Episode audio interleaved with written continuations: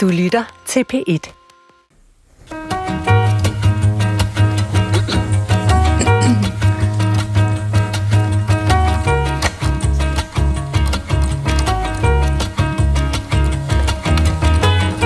Knap 160 cm høj med små perfekte bryster. Huset ligger nemt tilgængeligt med gode parkeringsmuligheder.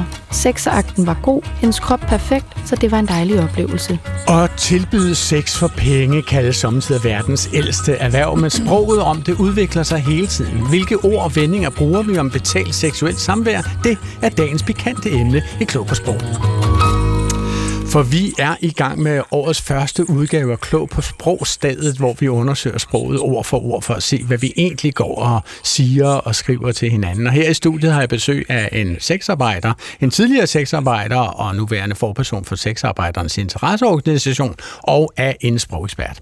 Og den første arbejder selvstændigt som sexarbejder. Vi havde egentlig en aftale om, at hun skulle sætte sig i sin bil og køre fra Aarhus og være med os her i studiet i DR-byen i København her til formiddag, men altså grundet vejr, også trafikomstændigheder, som er ret oplagte for alle mennesker, som ser til venstre om, over mod hovedlandet, så er Sofie Brandvarm med os på en udvidet telefonforbindelse hjemme fra Smilets for tiden Sne og Storm om syvste by. Velkommen til dig, Sofie Brandvarm.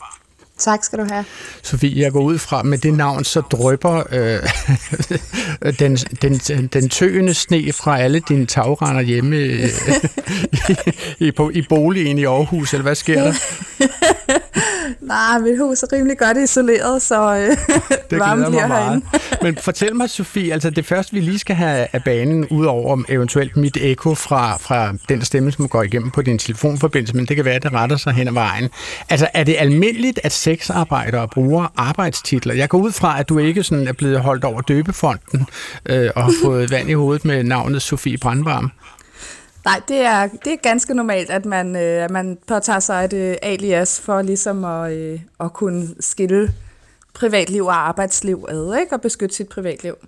Okay, og, og ja, lad os vende tilbage til, hvordan du så beskytter det privatliv øh, senere hen. Det vil jeg gerne høre mere om. Min anden gæst er forperson i Sexarbejdernes Interesseorganisation, som har akronymet SIO, og hun optræder her kun med sit fornavn. Jelena, velkommen til dig, Jelena. Tak. Jelena, lad os også lige tage den her med øh, på forkanten af udsendelsen. Altså, hvorfor optræder en forperson i en interesseorganisation udelukkende med fornavn? Jamen, det gør jeg af flere forskellige årsager, men Sofie var inde på det. Det er noget med at passe på sit privat person, sit privatliv. Og ligesom vi skal tale om det i dag, så er det sådan ret delikat øh, og kontroversielt emne, og det vil sige, at man er ret eksponeret. Vi har tidligere oplevet folk, der af den ene eller anden årsag enten kommer med trusler eller er interesseret i ens privatliv, og på den måde, så kan man i hvert fald holde det lidt mere nede. Altså siger du simpelthen ordet trusler? Altså får du decideret trusler, når folk finder ud af, at du har arbejdet med som sexarbejder?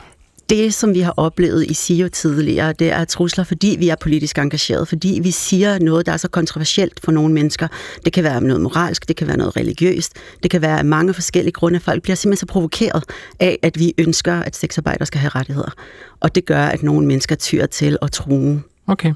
Min sidste gæst er med for at holde vores snuder helt nede i de sproglige riller. Hun er assisterende redaktør ved det Danske Sprog- og Litteraturselskab. Hun har kun skulle trodse diverse opslåede broer i Københavns Inderhavn for at komme herud til det her byen i dag. Men du er her dog i studiet. Velkommen til dig, Andrea Alberte Stengård. Tak skal du have. Andrea, er det, er det dit indtryk, at vi taler mere åbent om at købe og sælge seksuelle ydelser i dag, end vi gjorde for, lad os sige, en 10 10-20 år siden? Mm. Måske i et vist omfang kunne jeg godt forestille mig det, ja. Øhm, det man i hvert fald kan sige, det er, at fordi internettet er vundet så meget frem, så har vi fået nogle helt andre måder, man kan bedrive sexarbejde på. Så vi har fået langt flere forskellige betegnelser for, hvordan vi taler om det at bedrive sexarbejde. Altså man kan simpelthen varetage flere forskellige funktioner, end man har kunnet tidligere, fordi man med øh, digitale forbindelser jo kan øh, sælge seksuelle ydelser på nye måder. Altså mere specifikt, altså en enkelt ydelse kan finde en enkelt person i universet, som interesserer sig for det. Er, er, er der kommet en bredere palette af, af, af ydelser og betegnelser i, i det her sprog? Ja, eller man kan i hvert fald sige, øh, før vi havde muligheden for at streame, så kunne man jo ikke bedrive det, man kalder at være camgirl, for eksempel. Nej, okay. øh, så på den måde. Alene der har man et ord, som er relativt nyt i, i sammenhæng. Ja, ja, og det samme ord sexarbejde, det, det, stammer, helt, det stammer tilbage fra 1990, så det, er ikke engang, det har ikke mange år på banen. Nej, okay. Feber drømmer jeg en luder i Dubai Slår en rigmand ihjel Dans penge, dans biler Bare kører afsted for mig selv Drømmer om at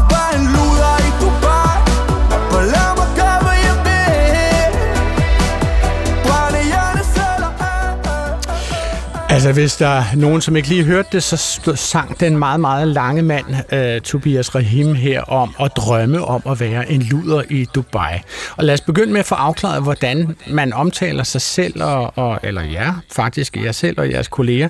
Altså, hvordan har I det med, at, uh, og det gælder også dig, Sofie Brandvarm i Aarhus, altså, hvordan har du det for eksempel med, at uh, et af popsangeren Tobias Rahims største kommercielle hits i sit omkvæd har linjen drømmer om at være en luder i Dubai. Hvad tænker du om det, Sofie? Jamen, øh, jeg tænker, at øh, han siger jo bare det højt, som øh, mange måske går og fantaserer lidt om. Okay. altså genkender du dig selv i den tekst? ja, til dels sådan. Det er da meget sådan, ja, det... Øh, ja, altså for mig er luder jo et powerord. Okay. Øhm, øh, så så jeg, jeg, jeg skråler sgu højt med, når jeg hører ham i radioen. Det, han det synger, kan er jo feberdrømmer, jeg er en luder i Dubai, slår en rigmand ihjel, tager hans penge, tager hans bil og bare kører afsted for mig selv, drømmer om at være en luder i Dubai, bare lad mig gøre, hvad jeg vil, brænde hjerneceller af en cabriolet osv. Altså, det, det er åbenbart en eller anden form for drøm, han har, og måske øh, skal man ikke sådan decideret tage det alvorligt. Men, men siger du, hvor, hvorfor er luder et powerord for dig, Sofie? Ja, men det, øh, altså for mig, så mit sexarbejde startede jo med en luder fantasi. Øhm, så, så for mig, der har ordet luder altid været noget frægt, øhm, og noget, jeg har brugt i frække sammenhænge. Øhm, og, og altså, det bliver selvfølgelig også brugt som et skældsord, men jeg synes først, det er et skældsord, hvis man siger fede, eller klamme, eller fucking foran. Okay. Hvad var det for en fantasi, Sofie? Jamen, øh, jeg havde en kæreste, øh, og var med ham, eller var med, med ved, senere på aftenen til en påskefrokost med hans arbejde, hvor jeg så møder hans chef, og øh, hans chef øh, blev fuldstændig fortabt i mig, øh, og ja, ville rigtig gerne være sammen med mig. Øh, og og det, der gik en længere periode, og det endte ud i, øh, at øh, chefen så spurgte min daværende kæreste, om han så ikke bare måtte få lov til at betale for at være sammen med mig en enkelt nat. Og det tændte bare noget i mig, og min kæreste, han sagde selvfølgelig op. men, øh, Altså, men det så din kæreste ville mig. ikke være med til det? Han ville ikke Nej, låne dig ud eller lege dig Nej, ud? det ville han ikke. Det ville han ikke. Men det satte en fantasi i gang, og det er der, det hele er startet for mig. Jeg var 18 år gammel, ikke? Men det tændte din kæreste af? Ja, det gjorde det. Okay, jamen you win some, you lose some, kan man sige. Så derfor. Men okay, lad os lige dykke ned i det her ord luder. Altså Andrea Alberte Stengård, luder. Øh, hvad er det overhovedet for et ord? Altså hvor kommer det fra? Hvor har vi det i det danske sprog? Luder kommer faktisk fra tysk, og oprindeligt der betyder det noget i retning af øh, at være en koket kvinde eller skøge, men det har faktisk også en betydning, som mere betyder øh, ådsel eller lokkemad. Okay. Øhm, ja. Jelena, må jeg spørge dig, altså luder, øh, er det et powerord for dig, Jelena, at sige luder? Jamen, det er jo et ældre ord, som sådan ofte omtaler nedsættende omkring sexarbejderne. Nej, det er ikke et, et, et altså jo, det er et powerord, hvis det er det, man, man tager det til sig, som jeg også øh, ofte tænker, det er det der med, at mennesker, de siger jo nogle gange ting for at få en reaktion eller en provokation. Øhm, og jeg synes, at sexarbejderne, og inkluderet mig selv, skal tage det ord til os og gøre det til et powerord. Fuldstændig ligesom vi har set med N-ordet øh, blandt de sorte eller blandt homoseksuelle, at, at bøsse ordet pludselig også bliver brugt i et sammenhæng, hvor at man, man tager magten fra dem, der ønsker at bruge det negativt.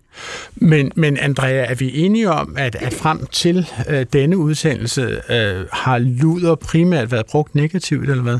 Men jeg tror, jeg er fuldstændig enig i det, Jelena siger, at der er sket det, vi med et ikke så dansk ord kalder for reclaiming. At, at man har set flere tilfælde, hvor, hvor, hvor folk tager det ord til sig og bruger det i en mere positiv betydning, men ellers er det fuldstændig almindeligt øh, udbredt accepteret, at luder er et skældsord øh, i blandt den brede befolkning, som altså ikke kan bruge det om en profession, de selv varetager. Okay. Altså nu har jeg jo, Sofie, øh, præsenteret dig og Jelena som henholdsvis nuværende selvstændige arbejdende sexarbejder, og Jelena er tidligere sexarbejder og nu øh, forkvinde for interesseorganisationen for sexarbejderne. Ikke? Øh, og dermed har jeg sagt ordet sexarbejder meget tit øh, i radioen. Og egentlig vil jeg sige, hvis man havde vækket mig klokken 3 i nat og spurgt mig om, hvad jeg vil, hvordan jeg ville omtale dagens program, så ville jeg bruge ordet prostitueret for det opfatter jeg som øh, neutralt. Hvad siger du til det, Sofie? Øh, prostitueret er overhovedet ikke et neutralt ord for mig, øh, og for en, en stor øh, gruppe andre sexarbejdere også. Øh, og det er det ikke, fordi at det gennem tiden øh, bare har fået sådan en øh, negativ øh, ladning. Altså det er øh, prostitueret er sådan en skrøbelig øh, en skrøbelig person, som man skal passe på, og som er et offer, øh, og som skal reddes. Og det er lidt den sådan, det er, lidt, det er lidt den ladning, det har fået, det ord, og det, det er jo klart, det har man jo ikke lyst til at sætte sig selv øh, i, i, den, i det, altså... Ja. I den bås? Ja, lige præcis. Altså, Andrea, giver du Sofie her ret i, at prostitueret er et øh, stigmatiserende ord? Ja, det er det faktisk i et vist omfang. Det kommer fra latin pro, pro og statuere, der er sat sammen. Og det der så hvad egentlig, betyder statuere jamen det, bet, altså, det betyder egentlig at stille noget frem, men ikke at stille noget frem øh, på den floreste smukke hylde, men mere at stille noget frem til spot.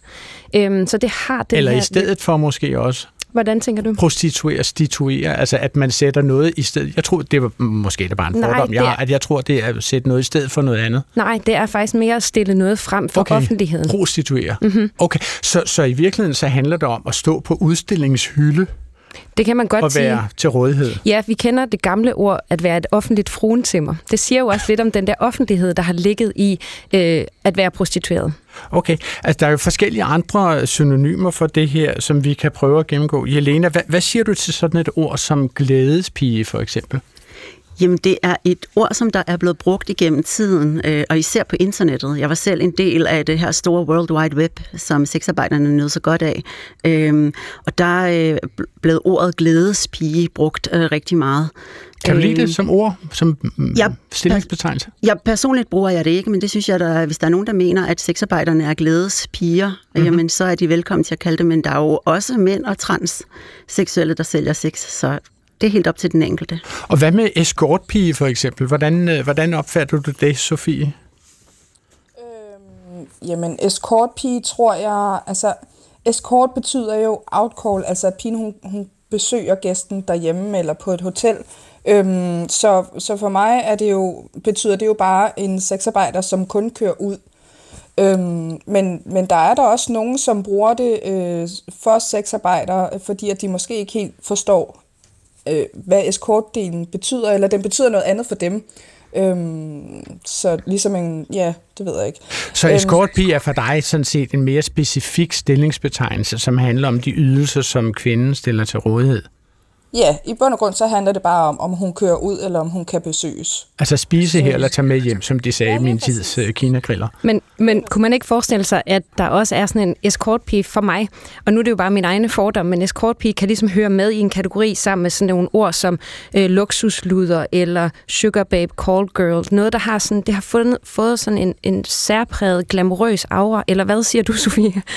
Jo, det kan godt være, at vi er lidt derhen af, men, men igen så er øh, alle dem, du nævnte, øh, det er jo stort set nogen, som arbejder på den måde, at de kører ud.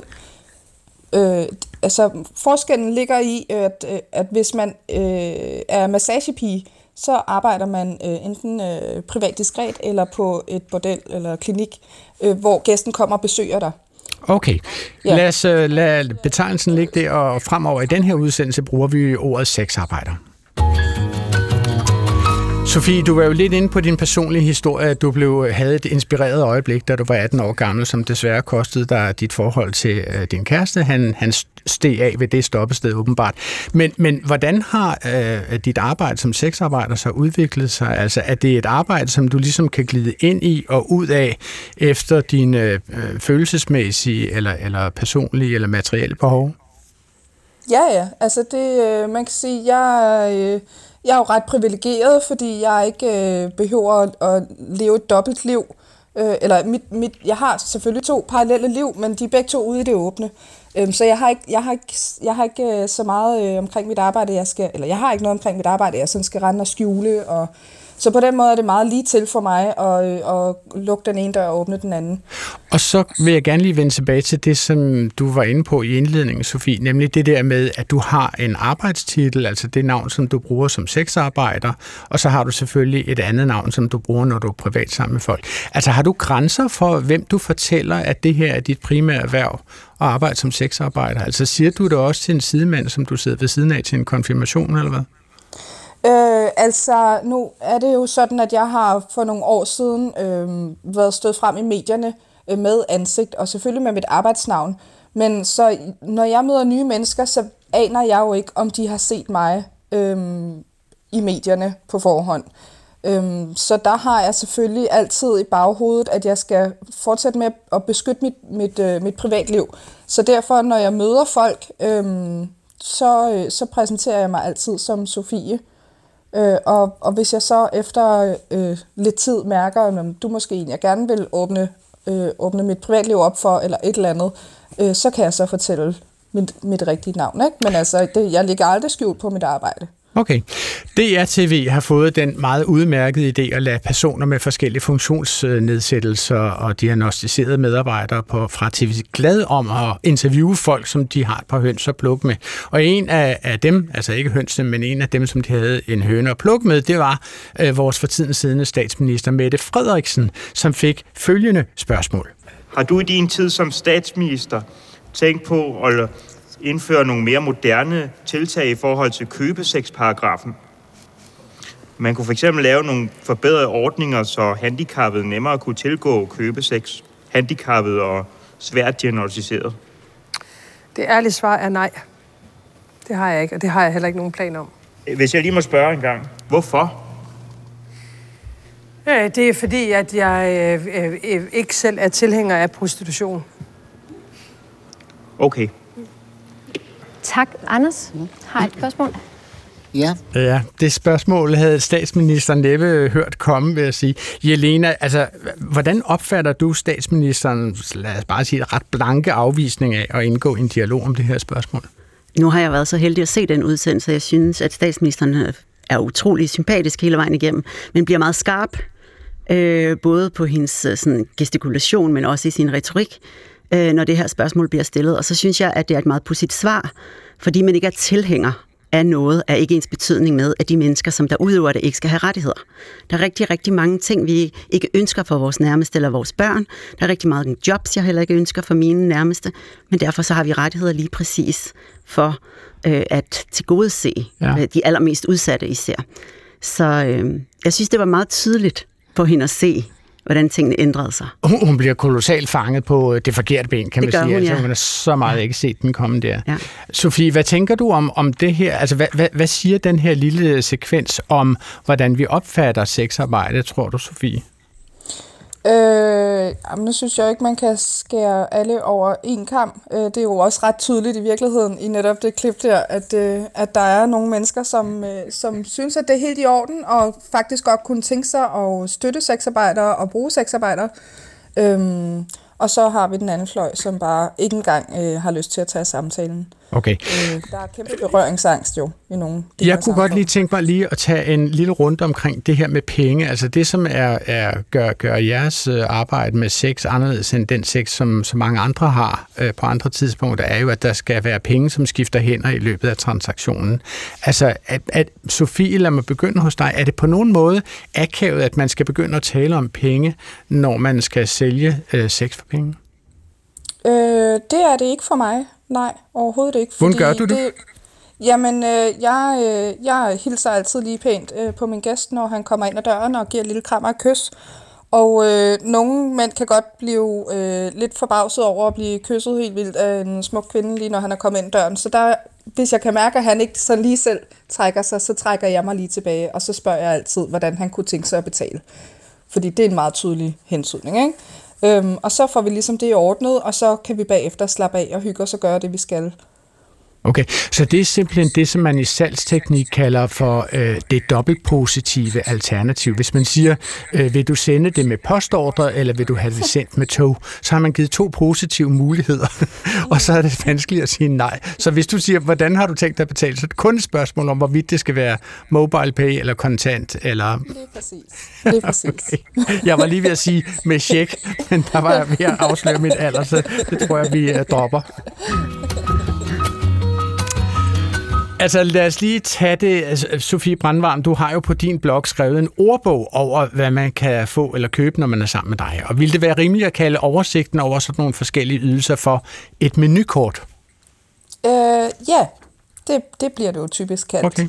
Andrea Alberte Stengård, hvad- hvad ligger der i at betegne oversigten over ydelser som et menukort?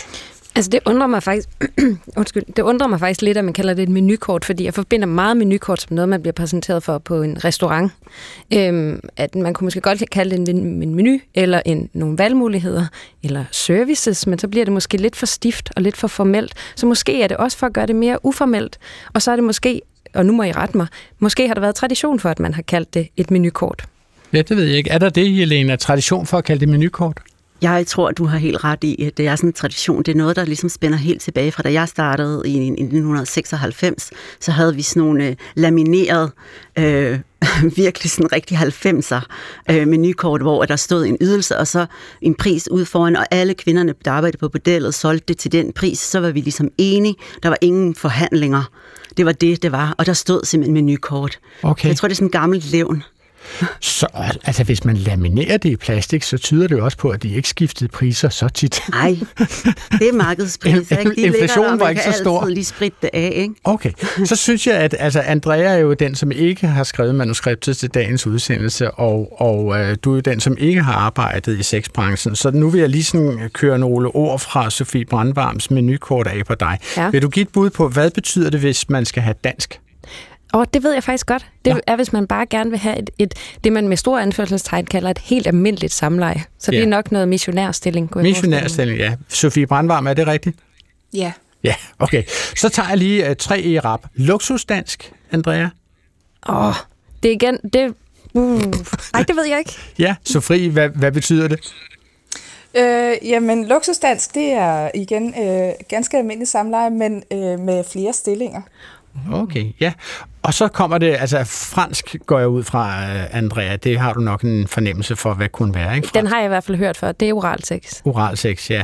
Men så kommer der nogle variationer på det, som er henholdsvis luksusfransk, superfransk og ovenikøbet også megafransk. Vil du prøve at differentiere det, Andrea? Hvad tror du, det er, hvis det er luksusfransk? Jamen, der har jeg, jeg har snydt lidt hjemmefra. i Nå, har du det? Okay, Ja, du har synes været inde på Sofie Brandvarms side, eller hvad? Nej, men det, det, det, det er ret fantastisk med de der betegnelser, for de er udbredt over det hele, men der er ikke rigtig nogen, der ved, hvor de kommer fra. Okay. Så øh, hvad havde vi? Luksusfransk. Luksusfransk. Det er noget med, hvorvidt der er kondom eller ej. Ja, Og så er der, øh, superfransk. så er det, så er det uden, uden kondom? Nej. Uh, Jelena, du, hvad, du, hvad, hvad, nu er det jo tilfældigvis fra Sofies, vi har taget med. Jelena, vil du give en forklaring på luksusfransk? Så vidt jeg ved, så er luksusfransk, hvor at man simpelthen har gummi på toppen, og så slikker man på kulder og skaft. Ja, okay. Og superfransk, hvad er det så? Øh, det er faktisk meget det samme. Altså forskellige kvinder bruger forskellige betegnelser. Okay. Men det er meget det samme. Det kan også være fransk uden gummi. Ja, superfransk. Hvad er det i din geschæft, øh, Sofie Brandvarm? Superfransk. Det er øh, øh, bare, ja, som Jelena siger, øh, uden, uden gummi på. Uden gummi på. Og så er der ja. Det der megafransk, som jeg selvfølgelig blev meget interesseret i, fordi jeg tænkte, det ville være endnu bedre. Hvad er megafransk? Øh, jamen, det er så uden gummi, og hvor, øh, hvor man også sluger spermen. Okay, hvad er prisforskellen fra superfransk til megafransk? Øh, jamen altså, vi sætter jo alle sammen vores egne priser, kan man sige. Så, men, øh, men for mit vedkommende, så er der øh, 200 kroners forskel mellem superfransk og megafransk. Efterhånden, som man trapper op på de forskellige trin. Mm. Eller, ja, ja, okay, jamen ja. Det, nej, jamen det er helt... Ja, man sætter jo sine egne priser, Ja, okay. så jeg har... Ja. Og så øh, synes jeg jo også, det er interessant, at der er noget, der hedder svensk, som også kan være oliesvensk. Ved du også det, Andrea? Har du også luret den? Den har jeg også luret. Ja, hvad er det? Det er, det er øh, altså et handjob, at ja. man stimulerer penis med hånden.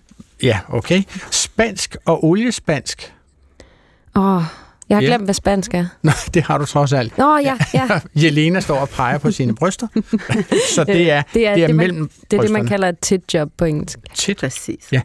Øh, lad mig lige tage den, som hedder finsk. Den synes jeg er mega mærkelig. At nu, du ser vildt ud i ansigtet, Andrea. Den har du ikke set komme. Øh, Sofie, hvad, hvad betyder finsk? Ja, jamen nu, den, den, finsk og norsk, dem blander jeg altid lidt rundt i. Er det den med armhulen? Ja, det er det. Det, jeg sidder ikke selv med ordbogen lige nu. okay, fair nok. ja, ja, men det var den med armhulen så. Ja, ja, ja. Det er den med armhulen. Og norsk, hvad er det så, det er? øhm, er det... Ja, det Jelena vil give et uh, Er det mellem, øh, Hvad siger Er det med fødderne? Er det med fødderne norsk? Altså, jeg har fået det beskrevet som, at den ene onanerer, mens den anden kigger op oh, på ja. den ene. Eller Jamen, Yes. det er jo også fantastisk. Ja. Altså, fantastisk, Jelena, lige frem. Nej, men jeg synes bare, det, det er norsk. Altså, hvad skulle man ellers forestille dig det? Jeg tænkte, det måske var sådan udendørs. Jamen, det er jo det. Altså, hvorfor giver vi disse her seksuelle praksiser øh, nationale navne? Kan du give et bud på det, Sofie? Øhm, altså, min tanke er, at, øh, at det er for at gøre det lidt mere spiseligt. Der kommer jo mange øh, generte og nervøse mænd på besøg øh, hos sexarbejdere, så, så det er ikke alle, der har lyst til at, at snakke meget vulgært, når de siger, hvad de godt kunne tænke sig. Så det er sådan pæn, pæn kodesprog i virkeligheden. Hvad tror du om det, Andrea? Jamen, jeg tænker da også, at det spiller på nogle sådan generelle kulturelle forestillinger, vi har om vores øh, naboer eller andre folkeslag. Hvad de er for nogen. Er de nogle bonerte nogen? Er de eksotiske? Er de nogen, der kaster sig ud i vild sensuel sex? Altså, Mm-hmm. Så hvad er svenskerne? hvad, hvad, hvad kan man vente sig af svenskere? jeg tænker, at de er mere bonerte. De er de bornerte. Altså, nå, okay. Ja, men lad os lade den ligge der. Og nu spørgsmål fra lytterne. Du lytter til Klog på Sprog i dag om sexarbejde, og i det storm- og sneomsuste Aarhus sidder sexarbejderen Sofie Brandvarm, og her i København har jeg selskab af Jelena, forperson for sexarbejdernes interesseorganisation SIO, og af Andrea Alberta Stengård, assisterende redaktør ved det Danske Sprog- og Litteraturselskab. Og nu hørte vi jo før, hvordan sexmenuen i massageklinikkerne ofte bliver hængt op på en nationalitet, øh, og måske i forlængelse af en eller anden form for stereotyp, som de mennesker, om de mennesker, som bor i de pågældende lande og deres seksuelle præferencer. Der vil jeg altså bare lige have ført til protokols, mens vi står her. Jeg synes, det er lidt mærkeligt at forestille sig, at finderne tror, at de kan holde deres befolkningstal som nogenlunde oppe, hvis de har sex i armhulen. Men pyt nu. Altså, en lytter, Solvej Mose fra Humlebæk, skriver til os om franske fordomme. Hun skriver følgende. Jeg har spekuleret på, øh, øh, hvorfor man taler om en fransk visit. Altså, hvad har de stakkels franskmænd dog gjort? Efter diverse opslag har jeg fundet ud af, at vi ikke er de eneste, der bruger udtrykket, men nogen forklaring på fænomenet har jeg ikke fundet. Pudsigt er det dog, at hvor englænderne taler om at take a French leave, så siger franskmændene filet à l'anglaise om det at stikke af uden at sige farvel. Så hvordan bliver en, hvornår bliver en fransk visit, og hvornår Øh, altså, hvornår bliver en visit fransk, og, hvor, og hvorfor var det lige franskmænd og franske kvinder, som skulle lægge navn til den? Det spørger altså Solvej Mose Christensen. Andrea, altså, jeg har en eller anden øh, spændende lyd i mit øre, som jeg ikke håber kommer ud i radioen, men jeg har en mistanke om, at den muligvis gør det. Jeg tror, at det kunne være en sportskommentator eller noget andet, som taler til mig med min hovedtelefon. Okay, det er det så ikke. Godt. Jamen altså, radiolytterne har forhåbentlig en bedre oplevelse, end jeg har. Men altså, kan du svare på dette spørgsmål, Andrea Alberte Stengård? Ja, altså, hvis man nu sidder derude bag mikrofonen og tænker, det lyder meget seksuelt, en fransk visit, så skal jeg sige med det samme, det er det ikke. Det er en betegnelse for et meget kort øh, besøg, eller en kort visit hos nogen. Og jeg er enig med Solvej, at det ikke er helt let at finde ud af, hvor det her kommer fra. Sandsynligvis har det noget at gøre med, at man i Frankrig omkring 1700-tallet simpelthen dyrker det at tage på visit med hinanden som sådan en form for selskabsform. Man møder op, man udveksler nogle ligegyldigheder, man sladrer lidt om hinanden, og så fiser man afsted til det næste visit. Og så bliver det et meget kort besøg, det her med at være på visit. Øhm, om det her med den franske afsked så har noget at gøre med det udtryk, det er jeg ikke helt sikker på, for det betegner noget, noget helt andet, nemlig det at forlade et selskab uden at sige farvel.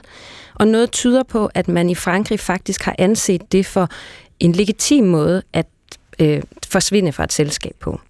Altså det vil jeg faktisk sige. Altså jeg går aldrig rundt og siger farvel til et selskab, fordi det er jo en nederen oplevelse. Altså alle dem, som er der, tror, at ja, de ved jo selvfølgelig, at, at selskabets håb og kronede lys forlader selskabet. Det ønsker de jo ikke at blive gjort opmærksom på. Nej, jeg tror ikke, det er alle, der har det ligesom dig, Adrian. Men altså, you do you. ja, nej, men det er da nederen at gå rundt og sige farvel, farvel, farvel, tak for samværet hele vejen rundt. Det, er da, altså, det, det lukker da festen ret bestemt, bestandt, vil jeg sige. Ja, det er da rigtigt, men jeg tror, når man har talt om det som en fransk afsked, hvorfor får franskmændene skylden for det her? Jamen, øh, det kan muligvis have noget at gøre med, at man har tillagt franskmændene igen nogle, man har nogle fordomme om, at de måske er arrogante og, ikke, og derfor ikke siger farvel. Øh, men franskmændene har også selv talt om, har også selv kaldt det en fransk visit. Okay. Øh. Der er også kommet et specifikt seksuelt spørgsmål fra Emil Christiansen med CH fra København. Han skriver, jeg arbejder til daglig med kommunikation, ofte inden for temaerne seksualitet og intim velvære. Et hovedbegreb undrer mig, nemlig seksualitet. Altså, vi taler om sex, vi kan føle os sexede, vi kan endda dyrke sex, sexting, når vi sms'er om sex, men, men vi er også seksuelle væsener, vi har en seksualitet, og nogle af ordene staves med et X, mens andre staves med KS. Men hvorfor egentlig det? Altså, hvorfor bruger vi mon KS i nogle begreber og X i andre? Min svenske kollega kolleger vil altid stave det hele med X, altså seksualitet. Og det giver jo mening, så, så hvad er mon årsagen til, at vores seksuelle sprog har udviklet sig i en mindre konsistent retning, spørger altså Emil Christiansen fra København? Men det er der faktisk en historisk forklaring på. Og det er sådan, at ordet seksuel det blev regnet for almindeligt i dansk tidligere end ordet sex gjorde. Så da øh, altså seksuelt, det er oprindeligt et latinsk ord, eller et latinsk ord, som vi fik ind i dansk via fransk. Og det var sådan i begyndelsen af 1900-tallet, der havde man nogle øh, regler for, hvordan man skulle fordanske latinske låneord. Blandt andet, at hvis det kom ind med bogstavet X, skulle det fordanskes til KS. Så det var det, der skete med, med seksualitet og med seksuel. Og så gik der en del år, så kom sex ind i ordbogen, eller det blev taget i betragtning til at komme ind i ordbogen. Men det blev så ikke lånt ind fra latin eller et andet sprog. De kom nemlig ind fra engelsk i stedet for, fra amerikansk engelsk. Og på det tidspunkt var der ikke nogen principper for, hvad man gjorde ved ord, der kom ind fra amerikansk. Øh, så det blev simpelthen indoptaget i den samme stavemåde fra det, vi kalder det långivende sprog, og derfor kom det ind med X. Så det er en ren ordhistorisk forklaring, der er skyld i, at det ene har KS, og det andet har X. Så når noget er sexet, er det ofte mere amerikansk, end det er latinsk? Det har nok mere noget at gøre med, hvornår det er kommet ind i ordbogen. Du kan sende dit spørgsmål til klog på sprog når så meget sexarbejde formidles via annoncer og præsentationer på nettet, så har de jo også banet vejen for særlige sites, hvor sexkøberne anmelder sexarbejderens service. For eksempel sitet Eroguide. Jeg troede, det var en slåfejl. Jeg troede, der skulle stå Euroguide, men det er det ikke. Det er Eroguide fra Eros formentlig. Og her går øh, sexkøberne i detaljer med at beskrive det seksuelle samvær. Jeg skal advare i det følgende, kan sådanne detaljer støde nogle af P1's lyttere. Den 23-åriges annonce fortalte, at hun lå bundet og klar til fri leg i alle hendes huller, og så startede en hæsblæsende halv time. Røven blev kærtegnet og taget på, korsettet lynede ned, og brysterne kysset og slikket. Så lå hun der på ryggen, kun iført blindfold, mundgag, lakstøvler og en botplok i røven og så dejlig ud. Jeg røg ned mellem benene på hende og kyssede og slikkede lår, skamlæber og til sidst fissen og klitten. Der røg babyolie på en finger, og så erstattede den tunge i røven. Jeg spurgte, om hun var klar til min pik. Det var hun. Hurtig kondom på, godt med babyolie. Jeg røg om bag hende, og nu fik hun min pik derop, stille og roligt, lidt efter lidt, indtil den var helt i bund. Hygiejnen er vigtig børn, husk det dejlig fræk, der lider liderligt. Jeg var meget tændt og pumpet løs i røven på hende. Hun var godt tænkt og siger, jeg er så våd nu. Og jeg tænker, no shit Sherlock, mens mine fingre er våde af hendes safter og efterhånden kører rundt i fissen som en bil på glatbane, lidt ude af min kontrol efterhånden. Andrea Alberte Stengård, hvad er dit indtryk af det sprog, som sexkøberen benytter sig af i den her anmeldelse? Ja, først og fremmest hæfter jeg mig ved, at det lyder ikke rigtigt som en anmeldelse. Det lyder mere som en personlig beretning, måske endda en form for reportage. Men jeg tænker, at man inde på Euroguide måske har nogle andre øh, måder, man skriver på i de her, øh, det man kalder anmeldelser. Men jeg er ikke så anmelderagtigt sprog. Okay. Jelena, hvad tænker du om den her ret detaljerede beskrivelse af et samvær med en sexarbejde? Jamen, jeg har ikke rigtig nogen tanker om det. Det er, altså enten så beskriver øh, kunden her sin oplevelse, eller så en fantasi, som han har lyst til at dele. Ja. Hvad får dig til at sige ordet fantasi? Fordi jeg synes, at øh, igennem øh, mine mange år på internettet og som sexarbejder øh, og sexarbejderaktivist oplever jeg, at der er lige så mange, som øh, ligesom sidder bag ved skærmen og udlever en fantasi. De vil ønske alt imens de skriver. Altså de får forfatter, øh, de udlever deres forfatterdrømme, mens liderligheden også ligesom bliver udlevet. Okay. Sofie Brandvarm øh, i, øh, hjemme fra Aarhus. Altså synes du, øh, det lyder som en troværdig beskrivelse af, hvad der er foregået mellem kunden og sexarbejderen i den her situation? Øh, det ved jeg slet ikke, om jeg kan gøre mig klog på. Øh, Men altså, han, han skriver... Det ene det andet. Grunden til, at jeg spørger, det er, at han skriver jo altså, at, at hun bliver helt våd i væggen, når han boller hende øh, bagfra. Øh, det, det, er jo ikke, altså, det er jo ikke usandsynligt. Okay, det kan sagtens føre, øh, det kan man sagtens forestille sig. Okay. Øh, Andrea Albert Stengård, hvad synes du om, at han bruger udtrykket no shit Sherlock midt i det hele? Altså, når, når hun siger, jeg er virkelig våd nu. Der er sådan en, en lidt sjov dramatisering af det, der foregår. Øhm, det er jo sådan en form for sådan en forfatterkommentar, eller sådan en afbrydelse midt i den her øh, lidt sådan scenisk opbyggede øh, reportage, vi ja. får. Det er så det er nærmest en metakommentar, at ja. han tænker, hun siger nu det oplagte, jeg ved da godt, at du er våd nu. Ja. Og, så, og så kommer han det her med, at han kører fingeren rundt i hendes øh, vagina, øh, og så siger han, det er som en bil på en glatførebane. Ja. Hvordan synes du, den øh, metafor fungerer? Jeg synes, det er en ret voldsom metafor. Øh, det vil, jeg vil aldrig være en, jeg selv vil bruge. Jeg synes, den er, for, den, synes, den er simpelthen den er for meget, men må ikke den passer rigtig godt ind på det her Euroguide-forum? Øh, Altså, jeg vil sige, jeg synes i hvert fald, den lyder meget mandet. Det tror jeg også. Eller enig, ja. På samme anmeldersite, altså på Euroguide, så fandt vi også en lidt mindre vidtløftig og måske en lidt, lidt mindre også billedskabende anmeldelse af en navngiven sexarbejder på en klinik, som vedkommende havde fundet i Flensborg, lyder sådan her. Huset ligger nemt tilgængeligt i Flensborg med gode parkerings- og handlemuligheder lige om hjørnet. Rigtig positivt, at billederne stemmer overens med virkeligheden. Det er 100% pigen fra billederne, som åbnede døren. De i annoncen angivende mål er retvisende. Knap 160 cm høj og med små perfekte naturlige bryster. En meget, meget smuk ung pige. Et par af billederne viser hende i et motionscenter, hvilket tydeligt kan mærkes på hendes lår og spændstige fremtoning. Hun gav et dejligt blow med god øjenkontakt. Sexakten var god, og jeg kunne ikke stå for hendes perfekte krop, så det var en dejlig oplevelse. Oplevelsen var super dejlig, og hun er meget dygtig til at massere, synes jeg. Hun kunne et lille trick med at køre fingerspidserne let rundt på kroppen og ned mellem ballerne.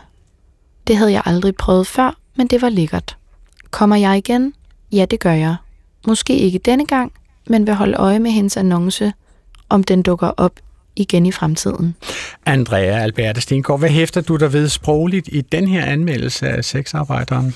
Altså, det er jo mere sådan mere klassisk øh, anmeldelsesgenre, øh, og den er også mere sådan ligefrem i sin, øh, eller sådan mere informativ i sin, i sin formidling. Jeg hæfter mig rigtig meget ved den, der hvor han siger, øh, de i annoncen angivende mål er retvisende. Ja. Det, for mig at se, det er unødigt, sådan, kan, det vi kalder kancelisprog, sådan et meget, øh, et meget tungt sprog at læse, og det er, sådan, det er unødigt formelt i den her sammenhæng, så det, jeg grinte faktisk højt. Ja.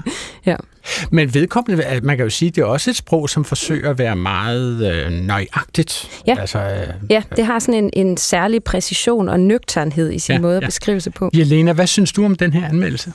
Jamen, det lyder mere som en reklame end en anmeldelse, men den er jo, som Andrea også siger, informativ ja. og indeholder det. Men nu engang, hvis man nu var en kunde, der gerne ville købe en ydelse hos den her kvinde, så ved man hvad man kommer til. Okay. Altså, vi har jo faktisk ringet til ham, som har skrevet den her anmeldelse. Han ønsker ikke at stå frem ved navn, så i den, denne sammenhæng, så kan vi jo for eksempel kalde ham Preben. Det har han selv foreslået. Det kommer fra Masser Monopol, som er et program, han øh, holdt øh, meget af, da det kom i Danmarks Radio. Så Preben, velkommen til Klog på Sprog. Ja, øh, tak. Ja. Hej hej til alle. Hej hej til alle. Preben, jeg vil gerne spørge dig, hvad, hvad driver dig til at skrive sådan en relativt lang og detaljeret anmeldelse på Euroguide? Jamen, det gør det, at der egentlig er så meget øh, fup og fidus øh, i annoncerne, som man læser på for eksempel Annonce Lightware. Okay, hvad er det for noget fup og fidus? Jamen, øh, mange gemmer sig øh, bag øh, falske, øh, falske billeder. Det vil sige, at øh, du ser på en, en pige og aftaler et møde, og så er det ikke den, der lukker op. Øh, hun kan være 20 år ældre, hun kan være 30 kilo tungere end det, du havde forestillet dig. Øhm, og grunden til, at jeg skriver øh, anmeldelser på besøgen, det er for at videregive den information, øh, de erfaringer, jeg har gjort mig.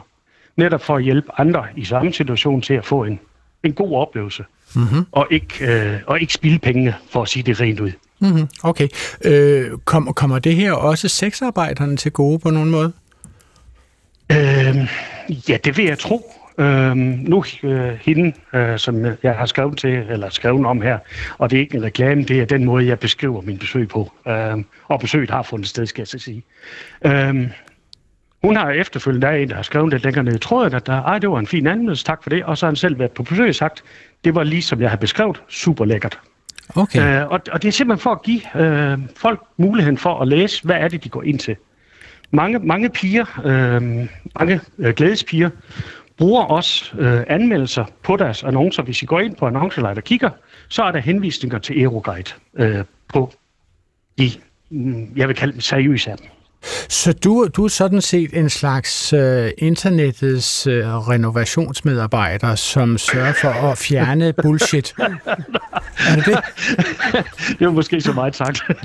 Nej, jeg, jeg, vil, jeg, jeg vil bare gerne gå ind og, og, og at sikre, at folk ikke bliver snydt øh, ved at, at købe den ydelse øh, ved pigen. Lad mig lige spørge dig her i studiet, Jelena. Hvordan har du det med at, at høre en af dine kolleger anmeldt på den her måde, som Preben gør det i den her anmeldelse? Jamen, det synes jeg er helt fint. Jeg synes, det er en fin information, man kan give til mm. hinanden. Øh, vi har Trustpilot, ja. hvor vi anmelder alt andet, hvor man får god service eller dårlig service. Jeg synes, det er super øh, fint. Øh, og jeg synes også, at det, der er problemet, specielt i vores branche, det er en ureguleret branche. Øh, vi får i jo ofte opringninger fra øh, institutioner eller fra kunder, som siger, hvis jeg gerne vil gå et sted, hvor jeg er sikker på, at der ikke er noget tvang eller noget, noget øh, altså menneskehandel bagved, hvor skal jeg så gå hen? Så på den her måde, der kan man sige, der informerer de jo hinanden om, øh, hvor er det godt at gå, hvor er der sikkert for alle parter. Altså, Andreas siger, at det her sprog er nøgternt. Kan du genkende det som nøgternt? Synes du også, at det var en nøgternt beskrivelse, som Preben leverede? Ja, det synes jeg. Det var ikke meget eksplicit. Det var fuldstændig nøgternt og fint. Hmm. Altså, Sofie Brandvarm, altså nu hvor vi har Preben med på telefonen her øh, i Klog på Sprog, har, har du noget, du godt kunne tænke dig at vide fra Preben? Øh... Øh... Nej, ikke sådan lige på stående fod. men, men, men er det fordi, altså opfatter du øh, det, som Preben beskriver her, at, at synes du, det virker på dig som om, at det er en realistisk beskrivelse af et besøg hos en sexarbejder i Flensborg? Ja, det synes jeg. Og jeg vil også sige, at øh, der er jo stor forskel på, hvordan øh, brugerne på EUGuide de vælger at lave deres beskrivelser. Og øh, Preben synes jeg er skrevet rigtig pænt. Øh, der er også nogen, som, er, som skriver mere vulgært, eller, eller skriver mere øh, sådan øh, personligt øh, øh, angribende, øh, hvis de har haft dårlige oplevelser eller noget. Preben, øhm, må, jeg, synes, må jeg ja. tage den med dig, Preben? Altså, vil ja. du... Altså, vil, vil du skrive vulgært? Altså, vil, vil der være særlige koder i det her sprog, som du vil bruge for at fraråde Ej. andre at købe sexydelser hos en, en sexarbejder?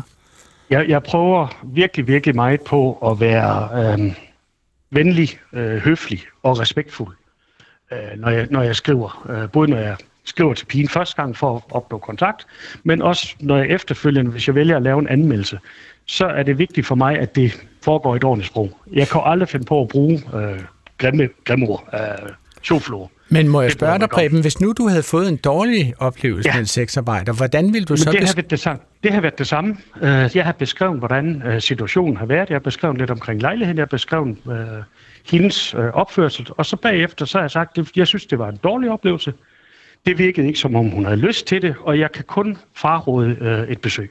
Det vil du skrive. Jeg vil fraråde ja. et besøg. Okay. Jeg, vil, jeg vil fraråde et besøg, uh, netop for at videregive den til andre, at her er der en, hun kunne måske være handlet, hun kunne måske ikke have, have lyst til det, eller fortrudt, eller hvad ved jeg, øh, at være kommet op øh, til Danmark. Øh, det er jo mange østeuropæiske piger, der er her, øh, okay. latinamerikanske.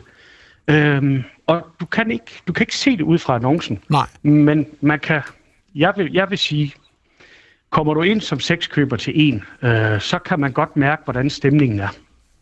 Okay. Og er hun øh, meget afvisende, øh, og ikke kender til den aftale, der er lavet, øh, så er der noget, der siger, at der er en anden en, der, der, der svarer på telefonen for hende. Okay. Øh, og det, det, vil jeg, det vil jeg skrive i annoncen. Øh, en lille ting, som jeg også godt vil have frem med, med at skrive anmeldelserne, det er, at øh, sexkøber bliver udsat for alle mulige former. Nogen kan øh, blive udsat for former for, for afpresning, for eksempel. Man kommer ud, man laver en aftale med en pige, går, der, du skal komme til et hotel, øh, og så bliver du mødt af en nede på parkeringspladsen, hvor du skal aflevere pengene, inden du får værelsesnummeret. Øh, Hvis du læser igennem på EOGuide, så alle siger, lad være med det. Det er afpresning, eller det er, det er fusk, det er snyd. Efterfølgende er der nogen, der bliver forsøgt afpresset for mange tusind kroner, fordi nu har de jo telefonnummer, så prøver man at se, om man kan score et eller andet den vej igennem. Okay. Det er simpelthen for at informere hinanden om at i videst mulig om, omfang undgå de her fælder. Har du været udsat for det, Preben? Nej, nej, det har jeg ikke. Heldigvis ikke. Okay. Overhovedet ikke. Men, men Preben, øh, nu har jeg jo taget det med de andre deltagende i dagens program, øh, som også optræder i en eller anden grad anonymt eller kun med fornavn. Hvorfor øh, har du bedt os om ikke at bruge dit rigtige navn, som jo er redaktionen bekendt? Lad os, lad os, øh, det er ikke noget, jeg, jeg går og fortæller vidt og bredt. Øh, der er ikke nogen i min omgangskreds, øh, andet end enkelt, der ved, at jeg benytter mig af de her services. Øh, så det, det er egentlig fint. Okay, godt. Preben, tusind tak, fordi du vil være med i Klog på Sprog i dag, og tak for den anmeldelse, som vi jo altså har citeret ret meget Jamen, fra. selv tak. Tak fordi jeg måtte være med. Selv tak. God dag. Tak. Hej. Nu, så har vi jo sagt farvel til Preben her i Klog på Sprog. Altså lad os lige høre fra jer, uh, Jelena og fra Sofie. Lad os starte med dig, Sofie. Nu har vi jo haft en sexkunde i, i telefonen. Hvad kalder I jeres kunder på klinikkerne? Øh, jeg plejer at kalde dem gæster. Gæster. Okay. Ja, eller Hvad- kærester. Kærester oven i købet. Seriøst? Kærester? Nogle gange. Jeg sælger jo mange kæresteoplevelser. Er det en specifik ydelse kæresteoplevelse? Det er det. Nå, hvad hedder det i dit menukort? Jamen, det hedder bare GFE for Girlfriend Experience eller kæresteoplevelse. Og, og hvordan udspiller den sig? Jamen, så er det, altså, så er det sådan mere kæresteagtigt, altså med meget mere sådan øh, kys og nus og intimitet og sådan, ja. Okay, jamen uh, tak for det. Altså folk, som ikke selv er kunder eller arbejder i sexbranchen, har jo formentlig en del af deres indtryk af, indtryk af sexarbejdere fra film. Og en af de film kunne være Pretty Woman fra 1990, hvor en sexkunde og en sexarbejder spillet af henholdsvis Richard Gere og Julia Roberts forelsker sig i hinanden. Og undervejs så kommer det altså så langt, at Julia Roberts sexarbejder betror rigmanden Richard Gere, hvordan hun er havnet i det her arbejde. Efter en serie totalt nederen kærester, så havnede hun i Los Angeles og udførte brødløse McJobs, indtil en veninde foreslog, foreslog hende noget mere indbringende. Baby, I'm gonna treat you so nice, you're never gonna wanna let me go.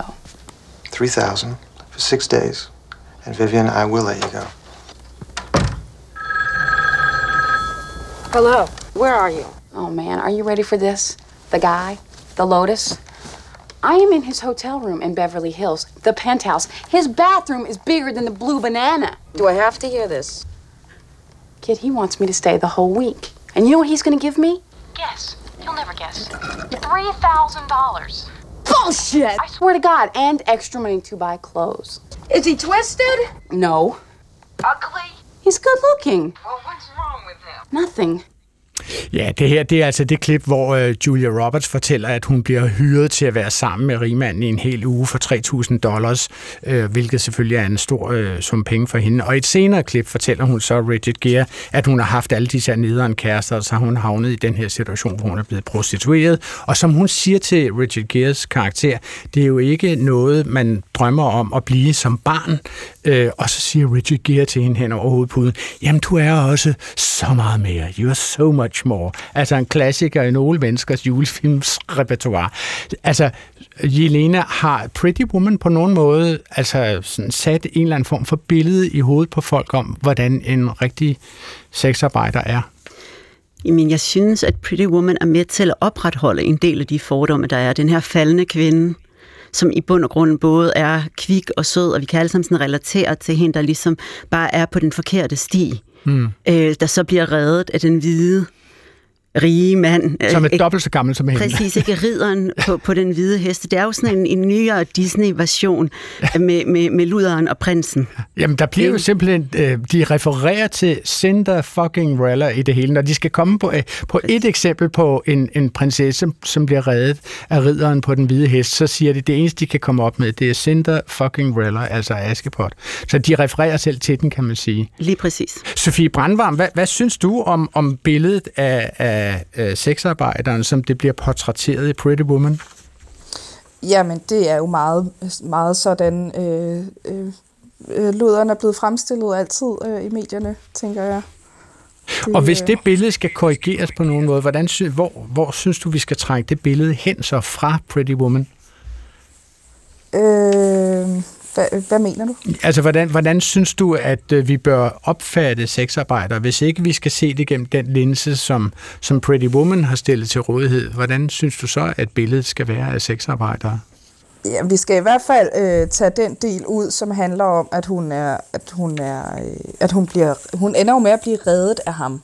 Ja. Øh, og det er jo ikke, det er jo ikke, øh, altså sexarbejdere vil jo ikke nødvendigvis reddes af nogen. Øh, det er hele den forestilling, der sådan stikker meget i mig, kan jeg godt mærke. Okay. Hvad siger ja. du, Jelena?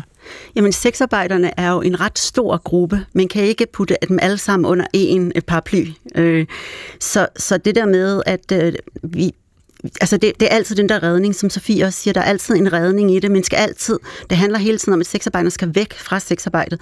Og det, som vi er nødt til at forstå, hvis man sådan kigger på det der, sexarbejdet er ofte løsningen på livets udfordringer og problemer. Det er ikke selve problemet. Okay. Og nu spørgsmål fra lytterne. Mathias Ottosen har skrevet til os om udtrykket nød lærer nøgen kvinder at spinde. Han skriver, den gængse måde at forstå udtrykket nød lærer nøgen kvinder at spinde er bogstaveligt, er man fattig, har man ikke råd til tøj og må spinde tøjet selv. Men kan det også forstås sådan, at spinde er en kvindes flørt, altså at nød lærer nøgen kvinde og charmerer sig til at blive forsørget af en mand, eller slet og ret at blive prostitueret, som han skriver. Det er ikke mit valg, det er hans valg. Øh, kan den betydning have været en del af talemodens oprindelse, skriver altså Mathias Ottosen? Jeg synes, det er en meget spændende tolkning, Mathias er ude i, men jeg kan simpelthen ikke få den bekræftet. Og når jeg siger det, så er det fordi, hvis man kigger under, øhm, hvis man prøver at slå op under spinde, og vi skal ligesom finde et hovedord, som vi kan slå den her, øhm, det her ordsprog op under, så er det ikke betydningen spinde i, sådan, i den betydning, der betyder sådan at indsmire sig. Det er ikke den, den er, er listet under. Det er i betydningen øhm, det, at man forarbejder et materiale til at danne en tråd. Altså det, vi kender som, vi kan spinde noget garn, for eksempel. Altså skabe noget stof. Lige præcis, ja. ja. Og det er, den, det er den betydning, den er listet under. Så det siger noget om, at den må være, øh, at det må være i den mere konkrete betydning, den, øh, den oprindelige er født. Okay. Du kan sende dit spørgsmål til klog på sprog Altså, øh, under coronakrisen med de mange pressemøder i statsministeriet under nedlukningen i 2020, så blev direktøren for Sundhedsstyrelsen, Søren Brostrøm, stillet spørgsmålet, om corona skulle suspendere seksuelt samvær for singler fuldstændig, og der lød hans svar nogenlunde sådan her. Der er 1,6 millioner øh, singler i det her land. Hvor længe regner myndigheder og regering med, at øh, de skal for eksempel undlade at have sex? Øh, sex er godt. Sex er sundt. Sundhedsstyrelsen går ind for sex. Vi er seksuelle væsener. Og selvfølgelig skal man også kunne dyrke sex, også som single. Og selvfølgelig skal man også kunne dyrke sikker sex i en tid med corona. Men som i hver anden kontakt mellem mennesker, så er der selvfølgelig en smitterisiko. Jelena, den her meget offentlige tilkendegivelse fra en direktør for Sundhedsstyrelsen om, at sex er godt og sundt osv., er der, er der et eller andet i det her, som er udtryk for, at vi er begyndt at tale om sex?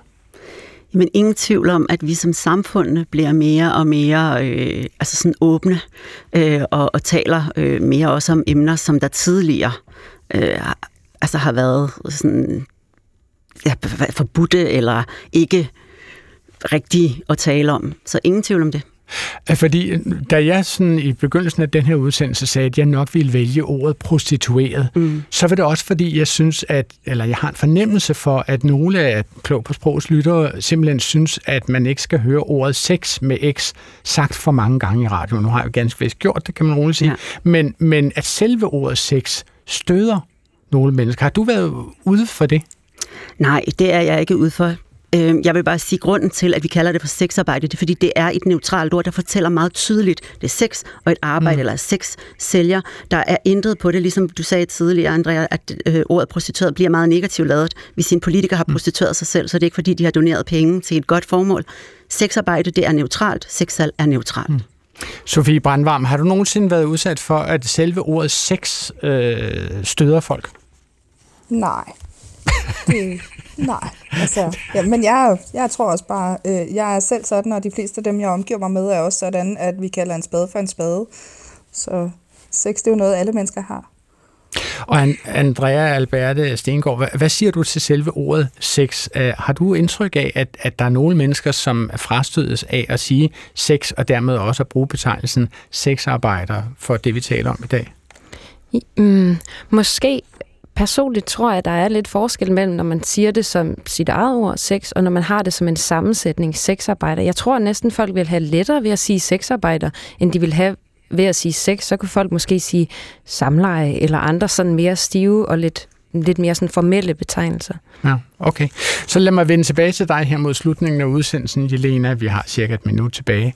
Øhm, altså, Sio, hvad, du siger, at det er kontroversielt at stille sig op og bede om rettigheder til øh, sexarbejdere.